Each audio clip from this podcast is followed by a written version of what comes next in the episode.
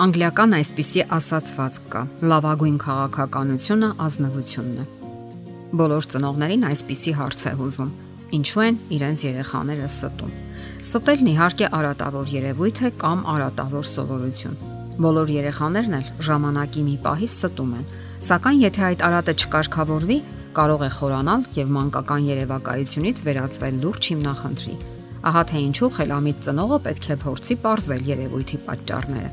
Մանկական կեղծիքի ստի պատճառները տարբեր են։ Դրանցից յուրաքանչյուրն ունի իր ներքին տրամաբանությունը։ Ամենից առաջ ասենք, որ փոքրիկ երեխաները չեն կարող ստել իրենց ֆիզիոլոգիական հնարավորությունների պատճառով։ Նրանց ուղեղը դեռևս այնքան զարգացած չէ, որ խոսեն մի բան, սակայն մտածեն մեկ ուրիշ բան։ Երեխաները սկսում են ստել մոտավորապես 3 տարեկանում։ 3-ից 4 տարեկան հասակում երեխան ապրում է երազանքների, երևակայության, հեքիաթների աշխարհում Իր երևակայության մեջ նա դառնում է այն, ինչ ցանկանում է, ունենում է այն, ինչի մասին երազում է։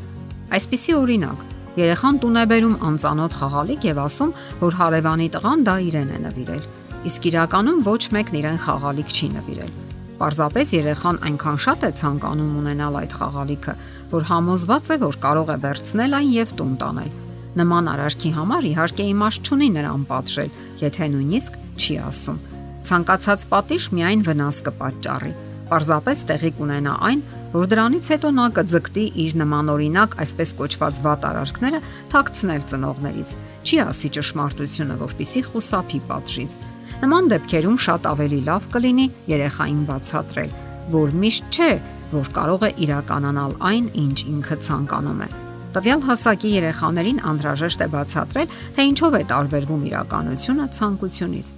խափեությունը ավելի ճշմարտանման եւ մտածված է դառնում 5-ից 7 տարեկան երեխաների մոտ։ Այդ տարիքում երեխան իր համար որոշում է. արժե ստել, թե ոչ։ Եվ կախված այն բանից, թե ինչ հետևություն կանի այդ տարիքում փոքրիկ տղան կամ աղջիկը, կորոշի նրա հետագա վերաբերմունքը կեղծիքի եւ ստի հանդեպ։ Այդ պատճառով էլ 5-ից 7 տարեկան երեխաների ծնողները հատկապես պետք է ուշադիր լինեն, որ խելամիտ ձևով կանխեն իրենց երեխայի խափելու, ստելու չնչին փորձերն անգամ։ Երեխաները մոտավորապես 8 տարեկանում սկսում են որոնել, թե ինչպես եւ ինչ եղանակով դրսևորեն իրենց անկախությունը։ Ծնողների համար արդեն բարդ է դառնում երեխայի մտքերը կարդալը Շատ ծնողներ խափեության դեպքում փորձում են ճնշման, բռնության միջոցով խոստովանություն կորզել երեխայից, ինչը սակայն չի կարող հաջողություն երաշխավորել։ Այսօրինակ փորձերի դեպքում երեխաները կսկսեն ավելի շատ ստել։ Այդ տարիքի երեխաներն արդեն կարողանում են շատ համոզիչ ստել, օգտագործելով անհրաժեշտ ինտոնացիան եւ դիմախաղը։ Նրանք չեն էլ մտածում ստի ու կեղծիքի հետևանքների մասին Նրանք մտածում են, որ եթե խափեությունը մերկացվի, կարող են փրկվել մեկ այլ խափեությամբ։ Դեռահասային ստախոսության հիմնական պատճառը պատժվելու վախն է։ Դժգոհությունը ծնողների կողմից, ովքեր հաճախ վարքագծային բարձր չափանիշներ են դնում նրանց առաջ։ Երեխայի կեղծիքը կանխելու համար ծնողները պետք է ավելի հաճախ շփվեն նրա հետ։ Անհրաժեշտ է օգնել երեխային, որ նա կարողանա գլուխ անել բարդ իրավիճակներում Սակայն այստեղ մի կարևոր նրբերանգ կա։ Ինչ որոշում ընդունել, ինչպես վարվել։ Դեռահասնինքը պետք է որոշի առանց ճնշումների, սակայն դուք հմտորեն դեպի ճիշտը պետք է հակեք նրան։ Այդ օրինակ ինքնուրույնության մեջ ծնողական խորաթափանցություն էլ պետք է լինի։ Դուք չեք կարող թույլ տալ, որ բազմատիվ վտանգավոր ու սխալ արժեքներ ներթափանցեն նրա արժեհամակարգի մեջ բացարձակ անկախության, այսպես թե այնպես նա մի օր կհասնի։ Ծնողները պետք է ձգտեն երեխային համոզել իրենց իսկ կյանքի օրինակով, որ ցանկացած խափեություն կամ կեղծիկ վաղ թե ուշ բացահայտվում է։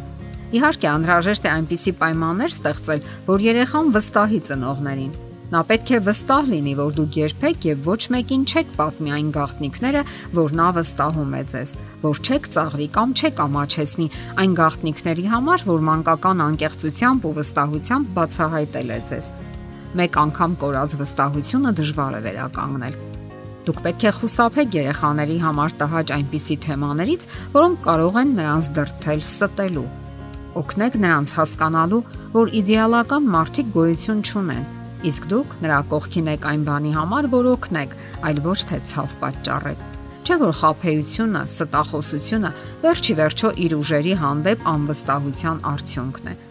Անդրաժեշտ է նաև, որ մեծահասակները մի շատ կարևոր ճշմարտություն յուրացնեն Եթե դուք ինքներդ եք ժամանակ առ ժամանակ ստում, ապա ազնվության մասին ցանկացած, նույնիսկ ամենափոքր խոսքերը դատարկ հնչյուններ կլինեն նրանց համար։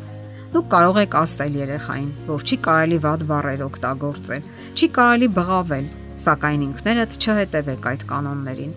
Ինչ եք կարծում, արդյոք կհավատա երեխան ձեզ։ Իհարկե ոչ։ Նրա համար լավագույն խոսքերը ձեր կյանքն է Իսկ դա խիստ կարևոր է նաև առողջապահական հարցերի առումով՝ ծխել, խմել եւ այլն։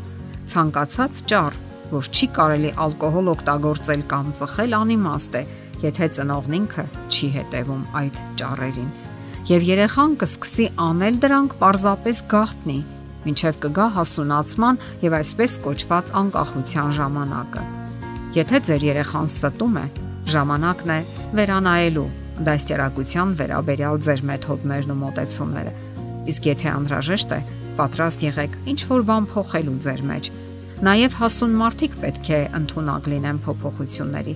Դա կարևոր պայման է թե ձեր, թե ձեր զավակի բնականon զարգացման համար։